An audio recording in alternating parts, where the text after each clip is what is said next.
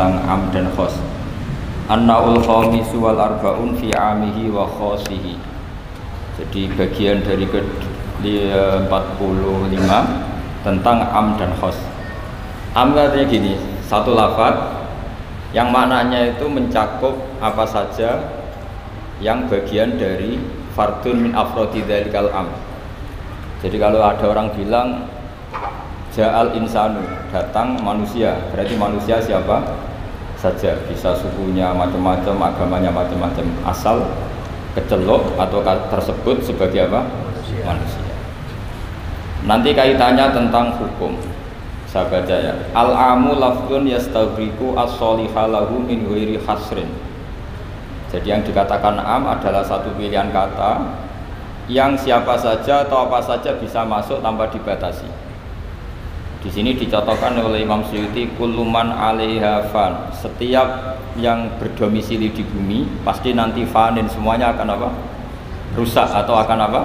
Hancur atau musnah. Itu enggak ada pengecualian sama sama sekali. Tapi kemudian selalu ada problem am. Problemnya begini. Ada hal-hal yang oleh eksplisit ya, bukan sekedar implisit. Eksplisitnya nas itu dikecualikan.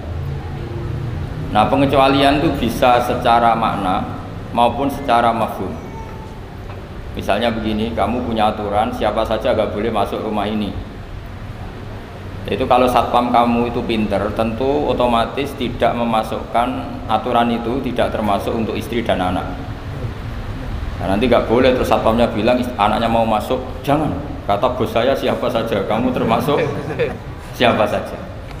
Atau contoh paling gampang itu istri sedang baik-baiknya ngomong sama suaminya, Mas, nak ingin apa ya rembuk sama saya, ingin apa saja rembuk sama saya.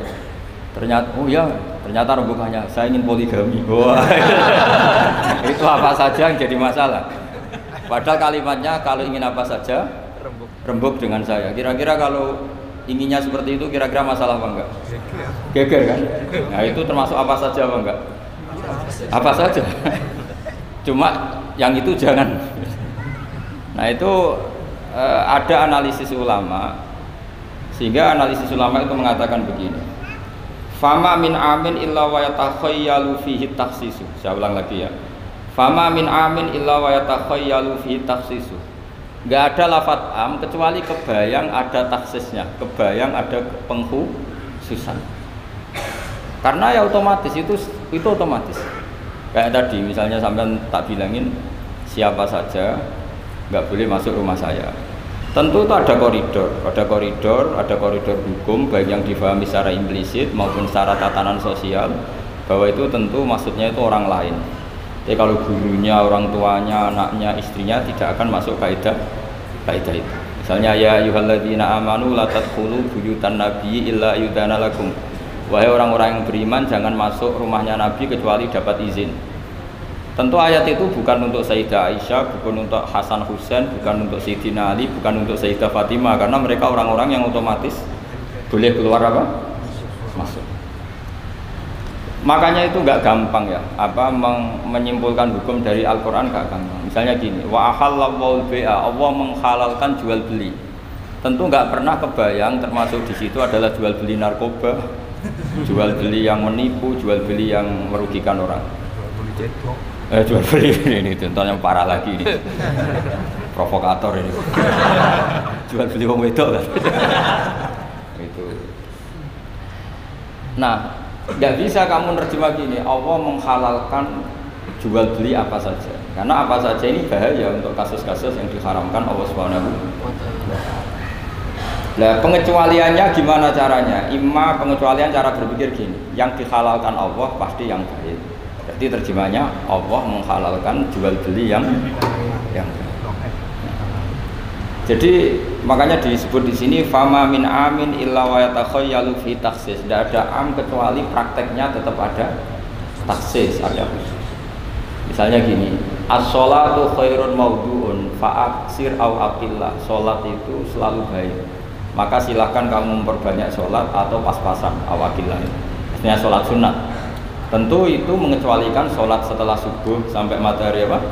terbit dan setelah asar sampai matahari ter terbenam. Padahal itu juga sholat, tapi dikecualikan dari yang disare dari yang disyariatkan.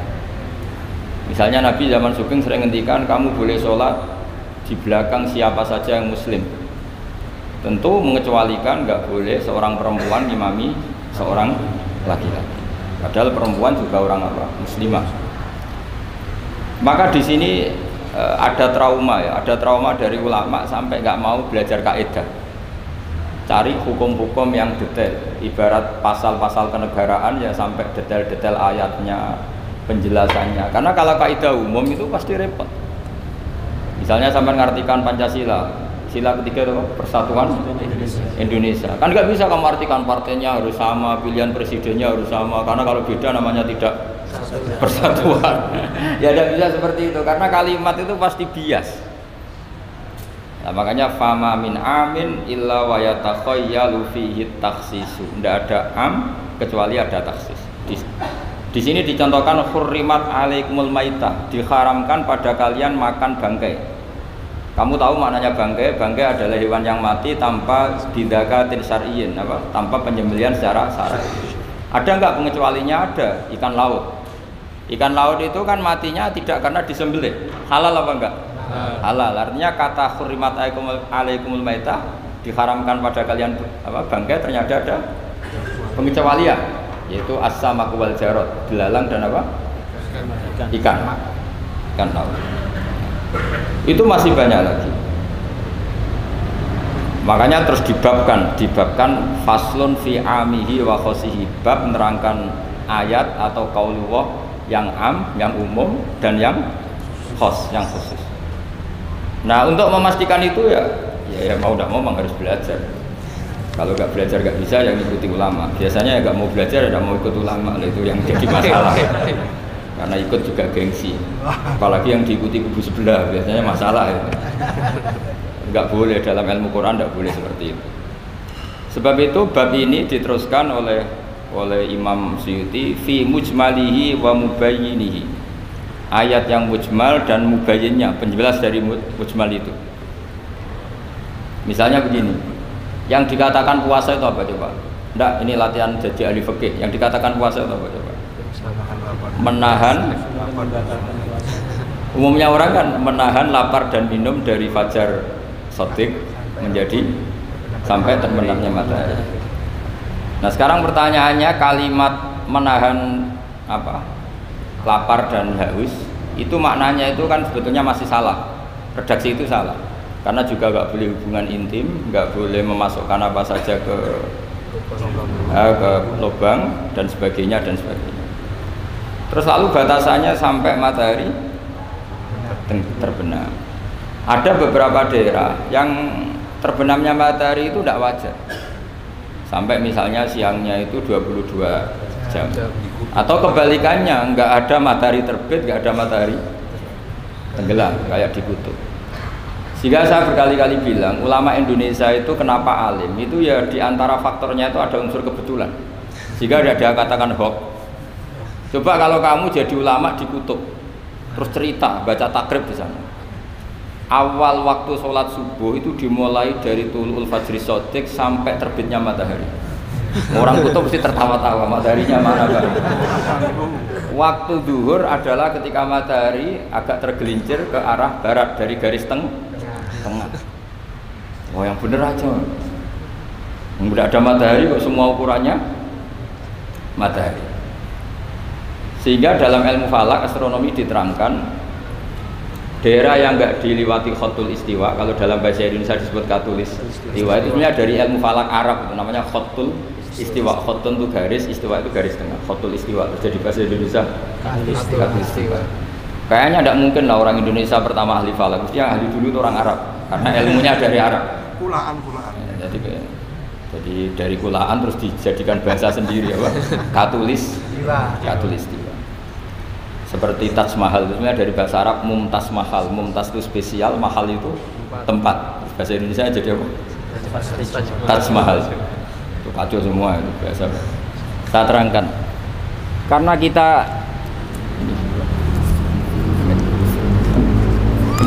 karena kita ngaji di Indonesia kebetulan Indonesia termasuk daerah yang dilewati apa?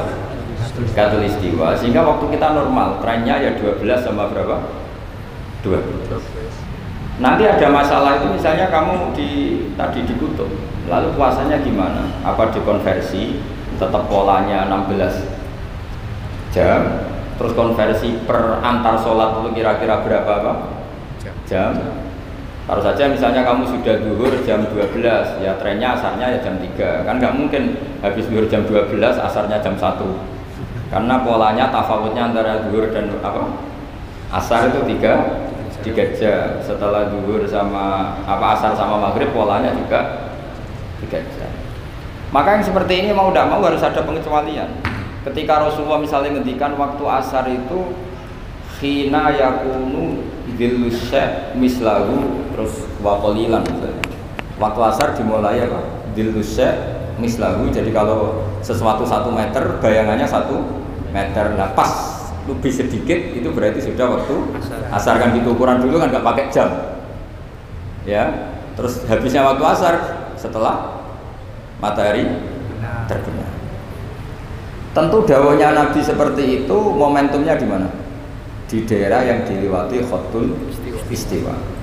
Karena yang tidak dilewati khotul istiwa tidak mengalami ada matahari terbit terbenam dan zawal syams makanya tadi izma min amin illa wa yatakhayyalu fi takhsis sudah ada am tidak ada kaidah umum kecuali sebetulnya pasti ada khusus ya kayak tadi Mas ki kepen apa tak dukung. Wah, sing tentu ya Allah yo ben wayo wis taqabbal wa minal Padahal kalimatnya apa? Apa saja. Tapi jangan lagi-lagi tentang itu. Kamu nggak bisa bantah kan apa saja. Oh, udah seorang goblok kepahaman kan itu malah masalah besar itu. Nah, sehingga di di Quran itu selalu ada ada seperti itu. Misalnya ya sama lah misalnya nikahi perempuan siapa saja yang kamu cintai. Ya tentu cinta yang kamu cintai itu tidak memasukkan ibu dan adik. Karena itu mahram apa? Pasti ada, orang pasti paham. Boleh menikahi perempuan siapa saja yang kamu cintai, asal muslimah, asal sholat. Secara kaidah asal muslimah, asal sholat kan memasukkan ibu dan saudara kandung atau adik kandung. Tapi kan nggak kebayang dalam nikah seperti itu. Jadi otomatis ada istisna.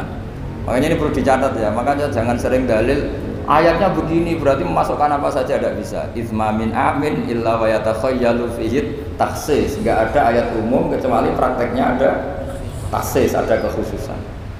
Jelas ya? Apa saja? Misalnya gini, bohong itu haram. Ya pasti tidak semuanya. Ada bohong itu wajib. Ada perempuan dikejar-kejar sama begal mau diperkosa, terus sembunyi di rumah kamu. Kamu wajib jujur apa wajib bohong? Wajib jujur apa wajib bohong? Wajib bohong. Kalau kamu jujur namanya kebodohan. Pak, cawe itu mau nanti, mau gue temui kalau duduk. itu tidak jujur itu goblok gitu. Ya ingat ya kaidahnya ifma min amin illa wa yatakhayyalu fihi taksis. Sudah itu aja dihafalkan, nanti sudah pinter sendiri. Sudah itu aja. Apa? Ifma min amin illa wa yatakhayyalu fihi taksis. Juga ada kaidah umum kecuali di situ tersimpan taksis atau aturan-aturan khusus yang terkecualikan. Itu pasti itu otomatis. Karena nggak kebayang bahasa itu mewakili semua itu nggak kebayang. Misalnya ada pembantu mesti dibilangin gini sama penyalurnya, ya kalau disuruh majikan apa saja turutin ya. Disuruh ngelayani ya saja apa turutin. Terus ngelayani diranjang ya, takut balap wa minamin. Tetap nggak bisa. Kayak lafat itu nggak bisa. Kalau majikan kamu ingin apa saja turutin, tentu tidak memasukkan hal-hal yang dilarang. Itu juga misalnya mahasiswa, oh, dosen nurut ya perintahnya apa saja ya apa saja yang dibolehkan, maksudnya bukan apa saja secara bebas. Nah itu di Quran juga gitu. Kalau ada ayat apa saja, sebenarnya di situ pasti ada apa?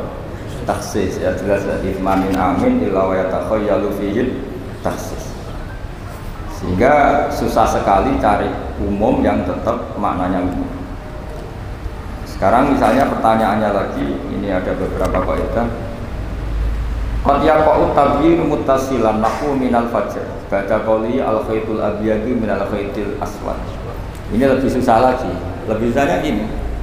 Di Quran itu ada beberapa lafaz yang maknanya itu tidak semestinya. Saya ulang lagi, di Quran itu ada beberapa lafaz yang maknanya itu dari awal tidak semes tidak semestinya. Nah, tidak semestinya ini oleh ulama ahli sastra Arab, ahli balaghah kalau dalam bahasa Arab disebut tasbih, apa? Tasbih. Jadi kalau orang Arab sebenarnya ya sama orang Arab, orang Indonesia sama dalam apa? Pemaparan sama kalau Zaid itu agak ganteng, agak yang gantengnya agak, itu orang Arab bilang itu Zaidun kalkomar. Zaid itu ibarat rembulan. Tapi kalau ganteng sekali dan susah ditandingi, itu orang Arab akan bilang Zaidun komarun. Zaid itu rembulan. Sehingga dalam kitab-kitab madaeh, kitab-kitab yang memuji Nabi itu disebut anta samsun, anta badrun. Engkau ibarat matahari, engkau ibarat rembulan. Itu adat tasbihnya kata seperti dibuang. Apa kata seperti? Dibuang. Sama di Indonesia juga sama. Kalau orang ahli orasi ilmiah yang ketika orasi itu kendel sekali apalagi zaman revolusi ketika ada orasi yang menggelegar disebut singa podium tidak seperti singa tapi langsung dikatakan singa, singa podium itu ada tasbih. Namanya dalam bahasa Arab disebut apa? Tasbih. Nah problemnya ada beberapa ayat yang dari awal Allah menggunakan itu tidak untuk makna semestinya, tapi untuk apa? Tasbih. Tasbih itu ya tadi hanya menyerupakan berhubung sesuatunya detail. Ada tasbih, kata seperti itu dibu dibuat. Misalnya gini, Inna min azwajikum wa auladikum aduwwal lakum. Istri kamu, anak kamu itu musuh kamu. Oh, itu kan ngeri, masa anak sama istri dikatakan musuh. Nah, tentu itu ada proporsinya. Ketika anak istri kita tidak menopang kesalehan kita, tidak menopang ketaatan kita, maka perilakunya sebagaimana musuh. Tapi ketika mereka baik, benar-benar baik kata Nabi, sebaik-baiknya pemberian dari Allah dan sebaik-baiknya mata udunya adalah almaratus salihah, wanita yang salihah yang membantu kamu menjadi orang baik. Artinya apa? Ada proporsi di mana perempuan digelari musuh, distatuskan musuh. Ada proporsi di mana perempuan berstatus pembela atau penopang ketaat, ketaat. Ya sudah seperti itu. Nanti kalau baca Quran, baca hadis seperti itu. Di mana wanita dipuji maknanya kayak apa? Ketika dikritik maknanya kayak apa? Lelaki juga gitu sama. Sehingga banyak ulama yang merumuskan hubul mal misalnya mencintai harta. Itu hukumnya gimana? Ya kalau untuk kebaikan ya baik kalau untuk keburukan ya buruk. Ya, makanya innama amalukum wa auladukum fitnah. Harta kamu anak kamu itu ujian. Nah ini penting penting sekali dikenalin sehingga Quran itu tidak saling bertabrakan. Ya Quran itu tidak saling bertabrakan. Di ayat ini perempuan dipuji di ayat ini perempuan dikritik misalnya tadi inna min azwajikum wa auladikum aduwal lakum. Tapi ada ayat fasolihatu qanitatun hafidhatul lil ghaibi bima wa perempuan itu luar biasa penjaga kedamaian penjaga kehormatan. Itu luar biasa dipuji. Ya tentu dalam konteks yang layak dipuji. Kalau sedang dikritik ya dalam konteks yang layak dikritik. Artinya pujian ini bukan cek kosong tanpa pengecualian. Dihujat atau dikritik juga tanpa cek kosong tanpa pengecualian lagi-lagi kaidahnya isma min amin illa wa yatakhayyalu fihi taksis Tidak ada lafat umum kecuali di situ terbayang ada kehu, ada kekhususan. Ya jelas ya. Jadi, nah kemudian kekhususan itu gimana? Kalau dalam ilmu fikih disebut menghilangkan masodak. Masodak itu pokoknya ini tak pakai bahasa asli ya, biar nanti habis ngaji itu keren. Ini pasti pakai bahasa asli yang di usul fikih. Masodak itu satu nama yang mencakup sesuai kriteria definitif lah kalau dalam bahasa inteleknya. Misalnya gini, ini coba pegangin. Ini yang dikatakan tangan ini, ini sampai ini kan. Ini semuanya tangan. Nah ini namanya mujmal. Kata Rasulullah misalnya kalau kamu wudhu, basuhlah tangan kamu. Tapi secara sanat, sanat kita sampai Rasulullah basuh tangan itu sampai sini saja. Ya kan? Itu di bab wudhu sampai siku saja. Tapi sikunya terbasuh ya. Jelas ya. Padahal ini juga tangan. Tapi di bab kotu disarik, di bab memotong tangannya pencuri, wasariku wasariku itu fakto'u Eidiyahuma orang kalau mencuri dalam ajaran Islam atau negara Islam dipotong tangan. Segini apa hanya segini? Sampai gelang kaki apa apa mata namanya? Pergelangan apa sampai sini? Pergelangan. Padahal kalimatnya ya fakto'u Eidiyahuma maka potonglah tangannya tapi ternyata di bab potong tangannya pencuri di negara Islam hanya pergelangan, tapi di wudhu sampai siku. Lalu kalau mau tanya ukurannya apa Gus? Ya itu ukurannya ngaji tadi. ya, ukurannya ngaji memang nggak bisa dijelaskan. Kalau nggak paham jangan protes terus. Iya sudah sudah seperti itu. Apalagi misalnya di Quran disebut jika kamu tahallul dari haji maupun umroh mukhalliki narusakum itu lafadznya mukhalliki narusakum memotong kepala. Masa setelah haji dibantai kan nah itu ruus di situ itu dengan makna apa? Rambut. Lalu pertanyaannya harus semua apa sebagian? Nah itu kan masalah.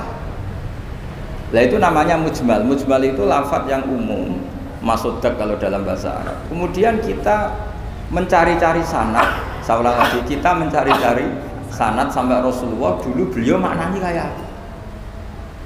Akhirnya ternyata Rasulullah kalau tahalul ada yang gundul, lontos, didoakan sampai tiga kali Allah marhamil muhalikin terus sahabat pada usul wal mukasirin ya Rasulullah masyur itu kan ya Allah semoga orang yang cukur gundul engkau beri rahmat yang banyak Sahabat yang nggak mau gundul usul wal mukasirin juga yang cukur apa? Pendek. Nabi masih ulang lagi wa marhamil muhallikin. Mereka protes lagi wal mukasirin ya Rasulullah tapi Nabi masih nggak mau ngendikan apa. Nah, terus baru ketiga sudah disebut baru yang terakhir bilang apa? Wal mukasirin juga yang cukur pendek. Lalu ukurannya apa? Imam Syafi'i milih Kodruun mulatil asbuk sekadar apa? Uh, ujungnya apa? Jari. Jari. Sehingga semuanya kira-kira segini. Jumlahnya minimal berapa? Tiga. Nah, nah seperti itu mau tidak mau lafadz itu mujmal kita tidak pernah bisa tahu tanpa sanat ke Rasulullah Shallallahu Alaihi Wasallam karena Nabi yang punya otoritas litubayyina linnasi manuzzila ilaihim kamu Muhammad yang punya otoritas menjelaskan apa yang saya turun karena kalau tanpa Nabi tidak bisa. Misalnya Allah hanya ngendikan wa yuqimuna sholat. Orang baik adalah yang mendirikan sholat. Jumlah rokatnya kamu tahu tanpa Nabi. Nggak tahu kan mana yang wajib, mana yang sunat juga enggak. Makanya ketika ada orang mau belajar sholat sama Nabi, kata Nabi sudah di sini aja nginep. Terus kamu sholat terus di belakang saya. Setelah tiga hari nginep, Nabi ngajarinya gini dok, solu kamaru itu muni, dia sudah niru saya. Jadi Nabi nggak pernah ngajar kayak di kampus-kampus nulis, nerangin itu enggak. Kalau ada orang belajar sholat, ya Rasulullah saya ajarin sholat sebagaimana sholat engkau. Ya sudah nginep di sini tiga hari, kamu sholat di depan. Ya sudah, terakhir mau boyong, Nabi hanya ngintikan solu kamar itu muni, ya sudah kamu sholat kayak saya. Ketika musim haji juga gitu. Orang disuruh haji kata Nabi, apa saja yang saya lakukan dilihat ya. Ya ya Rasulullah. Setelah selesai haji, Nabi hanya ngintikan, lita khudu anni mana sikakum lita khudu anni masa mana sih kagum ya sudah kamu mengambil cara ibadah haji dengan melihat saya. Nah cara-cara seperti itu sebenarnya lebih efisien ketimbang tag karena kalau tag itu bias. Sudah bias kalau umum mesti potensi taksis ya. Potensi apa? Taksis. Ya jelas ya. Jadi ini saya teruskan lagi ya misalnya atola kumarutan yang dikatakan cerai ini termasuk contohnya lagi ini saya beri contoh. Atola kumarutan talak itu ada dua. Itu benar apa salah? Di Quran loh. Talak ada dua benar apa salah? Cara fakih salah karena menurut fakih tolak itu tiga. Ya saya ulang lagi ya. Di Quran kan istilahnya at-tolaku marrotan tolak itu dua. Salah apa benar? Salah secara fakih karena secara fakih tolak itu tiga. Maka cara memahami gimana? At-tolaku marrotan talak itu hanya dua dalam konteks yang boleh kembali. Karena setelah tiga itu nggak boleh kembali lagi sampai si istri dirasakan orang lain. Namanya apa? Mukhal mukhallil. Nah akhirnya orang ulama itu mulai trauma memahami ayat mulai trauma. Traumanya karena setiap satu kalimat atau satu frase atau satu kodiah kalau dalam bahasa Arab itu mesti duduknya beda-beda duduk perkaranya beda-beda. Di bab wudhu tangan itu sampai siku. Di akot uyadisarik memotong tangan pencuri hanya sampai pergelangan ya sudah kalau tanya lah cara tahu gimana yang ngaji sudah nggak bisa itu jelasin apalagi sebulan sekali gini wah tambah ya ngaji puluhan tahun saja tidak mesti alim apalagi sebulan apa? Sekali. Makanya itu bisa dipakai alasan. Kenapa ada alim? Kan sebulan sekali. Jadi kalau ditanya kenapa ada alim? Kan apa? Sebulan sekali. itu kan salahnya Gus Dur mau ngajar tiap hari. Gitu. ya jadi jelas ya. Jadi semua itu ada proporsinya. Misalnya ada ayat lagi la tudrikuhul absor keyakinan orang mukmin nanti di surga itu melihat Allah apa enggak? Enggak keyakinan umumnya yang hadir di melihat ya. Tapi ada ayat la tudrikul absor. Allah itu tidak bisa tersentuh, bisa diliput oleh pandangan mata. Padahal di sebagian ayat wujuhu yauma idzin nadhira ila rabbiha nadhira. Orang-orang baik adalah wajahnya apa bersinar, nadhir itu maknanya bersinar pakai dot ila rabbiha nadhira dan wajah-wajah itu nanti melihat Allah.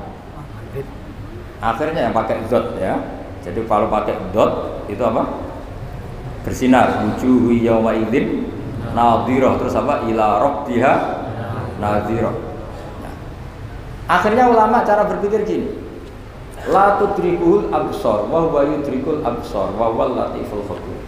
Meskipun kita melihat Allah itu tidak mungkin ikhatah. Ikhatah itu terus paham detail. Ya, paham apa? detail. Karena bagaimanapun Allah itu kodim kodim itu layu takayyaf nggak kebayang. Apa pun hebatnya kita perangkat kita ini semuanya profan semuanya hadis. Sementara Allah adalah zat yang tidak terbatas. Sehingga ya sudah kita tidak akan melihat secara utuh secara sempurna sampai kita paham tapi seperti itu sudah bisa dikatakan melihat. Paham ya Misalnya Anda melihat Merapi dari jauh sudah bisa dikatakan melihat. Tapi jangan disuruh detail, pohonnya apa saja. Berapa ribu? Nah itu kan nggak ngerti detail. Ya kira-kira gambarannya seperti itu. Jadi latu tribul absor ada makna khususnya yaitu sampai menguasai, sampai memahami. Ila nadhiroh ya melihatnya sampai apa sih kira-kira? Ya, ya sudah seperti itu. Makanya semua kalimat ketika semua ulama, semua kalimat itu proporsional. Kamu bilang mencintai istri, sama ibu ya bilang mencintai, saya temen yang kamu cocok yang mencintai. Lalu makna mencintai itu gimana coba? Mencintai ibu ada maknanya sendiri, mencintai istri ada maknanya sendiri, mencintai simpanan ini yang repot. itu maknanya juga sendiri lagi. Mencintai teman Sendiri. lagi mencintai uang maknanya ya. Semuanya dengan kata mencintai. misalnya orang mukmin disebut waladina amanu asyaddu hubbalillah orang mukmin itu sangat mencintai Allah. Kalau mencintai Allah itu dengan mencintai manusia itu beda. Aturannya juga beda. Kata para ulama kalau Allah itu suka kalau dimintai tapi kalau kamu mencintai seseorang, kamu sering minta, wah itu taqabbalallahu minna. Jadi Allah itu suka apa Allahu yakhdubu in tarakta su'alahu wa banu adam yakhdub. Jadi Allahu yakhdub in tarakta su'alahu. Allah justru tersinggung kalau orang yang mencintai dia kemudian tidak sering-sering min minta. Ya, kalau Bani Adam semakin sering dimintain malah malah nafsu ya malah malah tersinggung malah capek. Jadi sama-sama kalimatnya juga mencintai. Nah bayangkan Quran itu seperti itu. Min awali hatta akhiri lafat ini semua proporsional. Apa? Semua itu propor proporsional. Sehingga cara maknanya gimana ya tadi? Ada am, ada khos, ada mujmal, ada mukoy, mukoy. Makanya kita akan selalu berdebat misalnya ya selalu saya ulang lagi selalu berdebat madep kiblat itu sebetulnya harus persis apa enggak? Ya tadi saya seperti ngaji saya kemarin. Kalau dalam konteks Indonesia asal kelihatan ke barat ya sudah kecelok madep apa? Kiblat. Karena kalau detail saya ulang lagi kalau detail berarti semua masjid maksimal luasnya hanya 18 meter. Karena Ka'bah diameternya hanya 18 meter. Sekali yang di ujung sana. Wah, pasti melencengnya jauh. Jangan-jangan yang melenceng pas imamnya malah. Karena kalau Ka'bah 18 meter yang ujung sana berarti imam yang di sini Oh, bisa sampai Ethiopia ya. Iya kan? Nah, itu kalau harus detail juga Ka'bah orang sholat harus cekung. Nah kalau cekung bisa menuju ke satu titik. Tapi mana ada ajaran masjid apa? Cekung. Maka seperti itu dari awal Allah tidak menghentikan Ka'bah. Fawali wajhaka syatrul Masjidil Haram. Satro itu nahwa. Ya sudah, yang penting kamu menghadap ke arah Masjid Haram. Bukan ke ainal Masjidil Haram yang detail. Jadi satro itu nahwa. Nahwa itu ya pokoknya ke sana. Nah itu yang dimaksud yuridu wa bikumul yusra wala yuridu bikumul. Agama ini gampang. Kenapa diper Jangan kayak birokrat tertentu. Kalau bisa sulit, kenapa dipermudah? Karena banyak kepentingannya, Pak. Ya, terus saya teruskan lagi. Ini contoh-contoh. Latut uh, ukhidlat lakum bahimatul an'ami illa ma yusla alaikum. Ada lagi wa aufu bi ahdi ufi bi ahdikum. Ini contoh-contoh yang disebut oleh Imam Suyuti. Walillahi 'alan nasi hijjul bait. Maksud beliau dengan contoh-contoh itu begini ya. Misalnya kuluman alehafan, semua ini kalau kiamat nanti rusak semua. Pertanyaannya gini, Gus lalu panitia kiamatnya gimana? Misalnya Israfil yang masuk jadi panitia kiamat itu kan Israfil kan sekarang sudah pegang apa?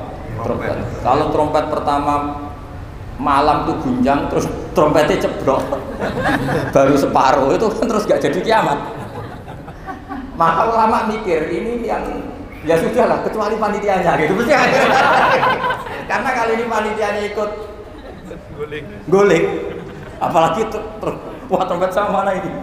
Belum selesai kiamat kalau sudah apa? Jatuh. Bisa dibayangkan kan kalau niupnya dari atas jatuhnya di Kaliurang? Oh dan itu dekat Mbak Marijan susah nyarinya. Makanya ulama selalu mengecualikan kuluman aliyafan itu ada pengecualiannya. Misalnya kecuali panitia kiamat sehingga di Quran itu ada pembenaran pengecualian itu yaitu ada ayat wa yahmilu arsya rabbika fawqahum yauma idzin samaniyah jadi wa yahmilu lan gawa arsya rabbika arase pangeran sira fawqahum kang pangeran sak dhuwure para malaikat. Sapa samaniyatun? Malaikat wa walu. Jadi ketika kiamat dahsyat itu masih ada malaikat delapan yang masih happy happy saja masih santai saja. Karena dia panitia ini kalau sampai makanya masyur. Ya, itu kan jadi yauma idin wa ihmilu arsyarab jika fawqahum yauma idin di hari kiamat itu ada malaikat yang masih nggak rusak yaitu termasuk delapan malaikat. Panitia apa? Ya. maka Israel itu semoga ikut ngaji di sini Israel itu. Israel itu kacau kacaunya itu dia tahunya itu terlambat masyur setelah orang mati semua nanti di kiamat. Kamu sudah tidak tahu sudah mati. Ini saya tahu ya di kitab setelah mati semua Allah tanya eh, eh sudah mati semua? Sudah Gusti. Sudah semua sudah. Masih satu. Mana Gusti? Tak coplok nyawa nih kamu Wah setelah itu Israel itu sudah cabut sendiri nyawa kamu. Itu kesakitannya masya Allah tapi dia sekarang belum tahu kalau itu sakit belum tahu sekarang makanya semoga dengarin supaya tahu. Warang sakit terus gimana is? Sakit Gusti, sakit sekali. Terus Israel bilang gini, kalau saja saya tahu kalau dicabut nyawa itu sakit, saya tidak main coba ternyata sakit. Pakai cara apa saja. Jadi tapi dia itu nanti nyesalnya nanti. Sekarang belum tahu makanya terus masih main cabut aja. Jadi malaikat Israel ya itu tadi. Maka tetap ada pengecualian. Karena kalau nggak ada pengecualian kita kiamat semuanya rusak lalu. Nah terus ulama menambahkan lagi surga dan neraka. Surga dan neraka itu juga termasuk ketika kiamat tidak ikut rusak. Karena kalau rusak, lalu nanti orang-orang ini ditampung di mana? Kamu tahu kan para nabi sekarang posisinya di mana? Surga, para syuhada. Kalau ini ikut rusak, konstruksinya kan kacau semua. Jadi para syuhada, utamanya para nabi kan dijamin sudah di surga sekarang, enak-enakan, serba nikmat. Kemudian ada kiamat, gempa hancur lagi. Berarti kalimat surga enak-enakan kan keliru. Maka ada pengecualian lagi, termasuk surga dan neraka itu. Fama min amin illa wa taksis. Ya, ini makanya ini pentingnya ngaji ulumul Quran ya. ya. Bagaimanapun UI itu didirikan para ulama dulu mulai dari ulama NU, Muhammadiyah semuanya ikut mendirikan apa? UI. Dulu yang mendirikan ya Ki Haji Wahid Hasyim, Mas Mansur dari Muhammadiyah semuanya ulama. Harusnya sekarang ya selalu punya ulama harusnya. Kalau udah bisa harusnya ya akhirnya kontrak ulama lucu kan. ulama kok kontrakan itu kan aneh. Profesor dokter. Makanya harusnya itu punya kader sendiri. Ini yang guru-guru VAI ini yang wajib. Insya Allah, insya Allah. Ya saya teruskan lagi ya. Jadi lafat-lafat yang butuh penjelasan kayak ihdinas siratal mustaqim tunjukkan kami jalan yang lurus. Tentu butuh penjelasan. Penjelasannya apa siratal ladzina an'am talim jalan mereka yang telah engkau beri nikmat. Juga sama walillahi alam nasi hijjul bait. Semua manusia diwajibkan Allah haji. Lalu kan tidak mungkin semua manusia punya kemampuan. Akhirnya diberi penjelasan manis tatoa ilaihi sabila yang punya kemampuan kesam ke sana. Jadi itu menunjukkan dari sekian kalimat itu kata Imam Syuuti pentingnya mengkaji kalau mengkaji am harus sekaligus mengkaji mukhosisnya yang menentukan kalimat itu. Kalau ngaji mujmal lafat yang bias langsung mengkaji mubayinnya penjelasannya kayak apa. Ibarat pasal-pasal di KUHP. Kalau belajar pasalnya harus belajar ayat-ayatnya supaya tahu detail. Kalau enggak ya kayak tadi persatuan Indonesia berarti bikin partai yang berbeda melanggar Pancasila karena silanya persatuan. Oh ya kacau kalau gitu. Nah kira-kira seperti itu lafat am kalau dipahami liar ya kira-kira kayak kayak kayak seperti itu. Makanya saya berharap jangan mudah menfonis karena tidak segampang itu. Misalnya Nabi sering ngendikan laisa minna man tidak termasuk umatku orang yang menipu. Ya karena ketika menipu itu tidak perilaku atau cerminan sebagai umatnya Nabi, tapi ya dalam hal menipunya saja. Tapi kalau dia pas sholat, pas zakat, pas baik, ini cerminan umatnya Nabi. Jadi laisa minna evitil kal itu semua ulama menafsirkan evitil kal Dalam hal itu dia tidak cerminan umatnya Nabi. Tapi di hal-hal yang lain cerminan umatnya. Karena tetap fama ya'mal mithqala dzarratin khairan yarah wa may ya'mal mithqala dzarratin syarran yarah. Artinya yang baik ya baik berarti cerminan umatnya Nabi. Misalnya kayak orang tukang nipu, tapi ternyata ya tukang sholat, tukang zakat, tukang puasa ya sudah pas tukang baik cerminan umatnya Nabi, pas tukang buruk ya cerminan temannya setan lah kira-kira gitu. Tapi jangan langsung wah sudah ini setan tok ya keliru kamu dia kan punya sisi baik. Ya sudah seperti Quran saja. Baik ya ya roh, sarron ya. Ya roh artinya semuanya ada catatannya sendiri sendiri. Fama ya'mal mithqala dzarratin khairan yarah wa may ya'mal mithqala dzarratin. Ini saya baca lagi ya. Qala Ibnu Hassar minan nasi man ja'alal mujmal wal muhtamil bi iza'i syai'in wahid. Qal waswab annal mujmal al-lafdu al-mubham alladhi la yafhamu al-muradu minhu wal muhtamil al lafdu al waqi' bil wad'il awal ya kalau mujmal itu lafat yang global kalau muhtamil itu lafat yang kayak iya kayak tidak salam kayak iya kayak tidak Kayak ya kayak tidak itu imma karena bias, wa imma karena konteks. Saya beri contoh misalnya gini, saya punya pembantu ya, kalau dalam tradisi kiai itu punya anak dalam, terus bilang gini, Cung tamunya kasih kopi.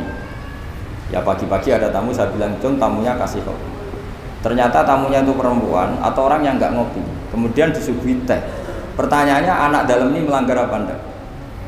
Tidak, karena kata kopi itu sebenarnya mewakili kata alat untuk menghormat tamu. Cuma saya sebagai kiai adalah ilmunya itu kopi.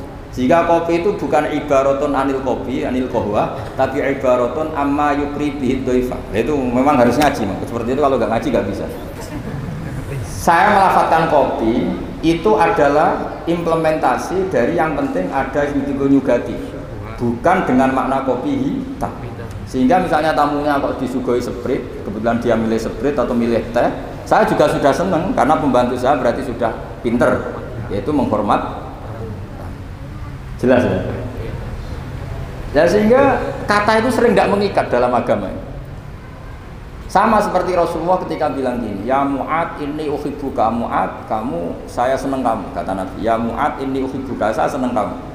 Berhubung saya senang kamu, Fakul duburo kuli solatin Sebagian riwayat Fala tada'an nakulla solatin Maka setelah habis solat Duburo kuli solatin Kamu lafatkan Allahumma Aini ala zikrika wa syukrika wa khusbadati Kamu jangan pernah lupa berwiridan Ya Allah bantulah kami mengingat engkau Ala zikrika wa syukrika mensyukuri nikmat engkau Wa husni ibadatik dan ibadah secara baik kepada engkau.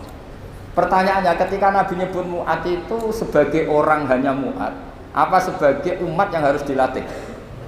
Umat yang harus dilatih Sehingga siapa pun boleh pakai wiridan itu Ya makanya terus di balaghah, balaghatul Arab itu ada aturan zikrul ba'di wa iradatil kul. Ketika nyebut sebagian, bisa yang dimaksud itu siapa saja. Ketika saya nyebut kopi, sebetulnya itu alat atau perangkat atau minuman yang dipakai hormat tamu. Tidak harus bentuknya kopi hitam. Tapi kalau orang tertentu yang memang hobinya ngopi, ayo cari warung kopi. Memang dia anti minum teh, anti minum sprit, memang inginnya warung Kopi ya sudah, itu berarti makna kopi yang muayyan, yang memang maknanya kopi dengan makna yang khos. Jelas ya? Nah bayangkan Quran dan hadis itu potensi seperti itu ada, makanya potensinya itu lafat itu muhtamil, bisa iya, bisa tidak.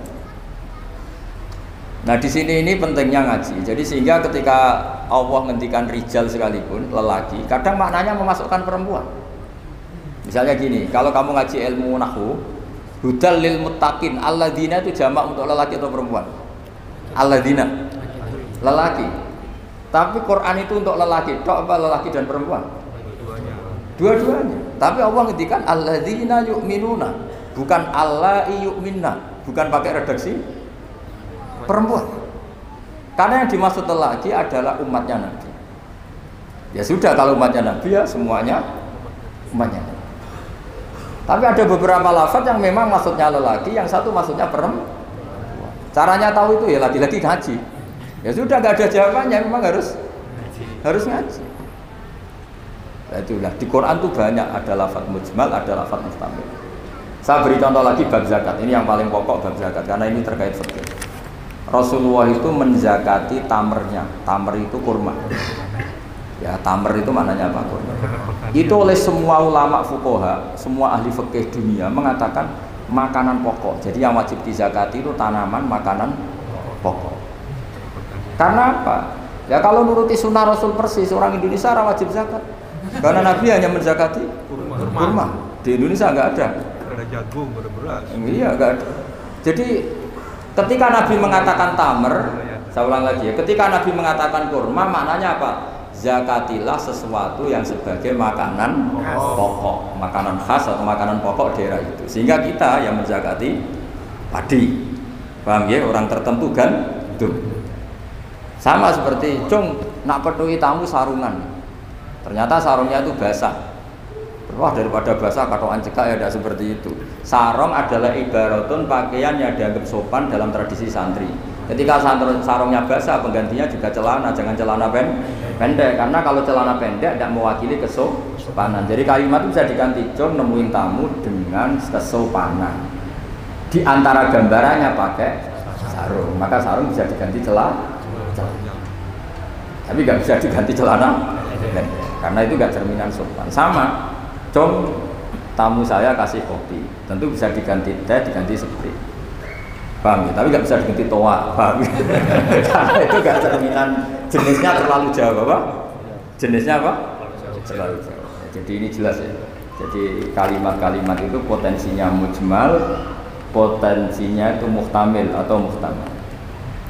Wal farqu bainahuma anal mujmal yadullu ala umurin ma'rufah wal lafdhu mustarakun mutaraddidun bainahuma wal mublam la yadullu ala amrin ma'rufin ma'al qat'i bi anna syari' lam yufawid bi ahadin bainal mujmal bi khilafil muhtamil atau muhtamal.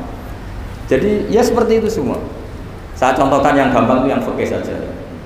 Misalnya orang disuruh sholat, sudahlah kamu sholat saja. Ya tentu kalau waktu duhur pikiran pertama itu ya sholat duhur. Kalau waktu asar itu ya. Jangan pepeh kalimatnya gitu. Cung kamu sholat. Waktu duhur sholat apa saja. Qobliyah masjid atau tahiyat masjid. Yang penting kan sudah Sholat. sholat. Jadi semua kalimat itu pasti proporsional. Ya semua kalimat itu pasti apa? Proporsional. Sehingga pertanyaannya secara fikih, kalau kita harus madep kiblat dan sholat harus bergantung matahari, maksudnya Nabi ya tentu daerah-daerah yang ada mataharinya. Maka kalau yang nggak ada mataharinya, ada ketentuan lain yang nanti ikut menginduk yang ada apa mata matahari. Karena setiap hukum pasti ada muktadal halnya, ada propor, ada proporsi. Makanya kata ulama fikih itu misalnya beginilah kita contohkan yang fikih aja yang gampang karena itu keseharian kita. Sholat itu batal dengan makan. Kalau kamu sholat makan batal nggak? Batal. Itu satu pos sudah batal nggak? Sudah kan?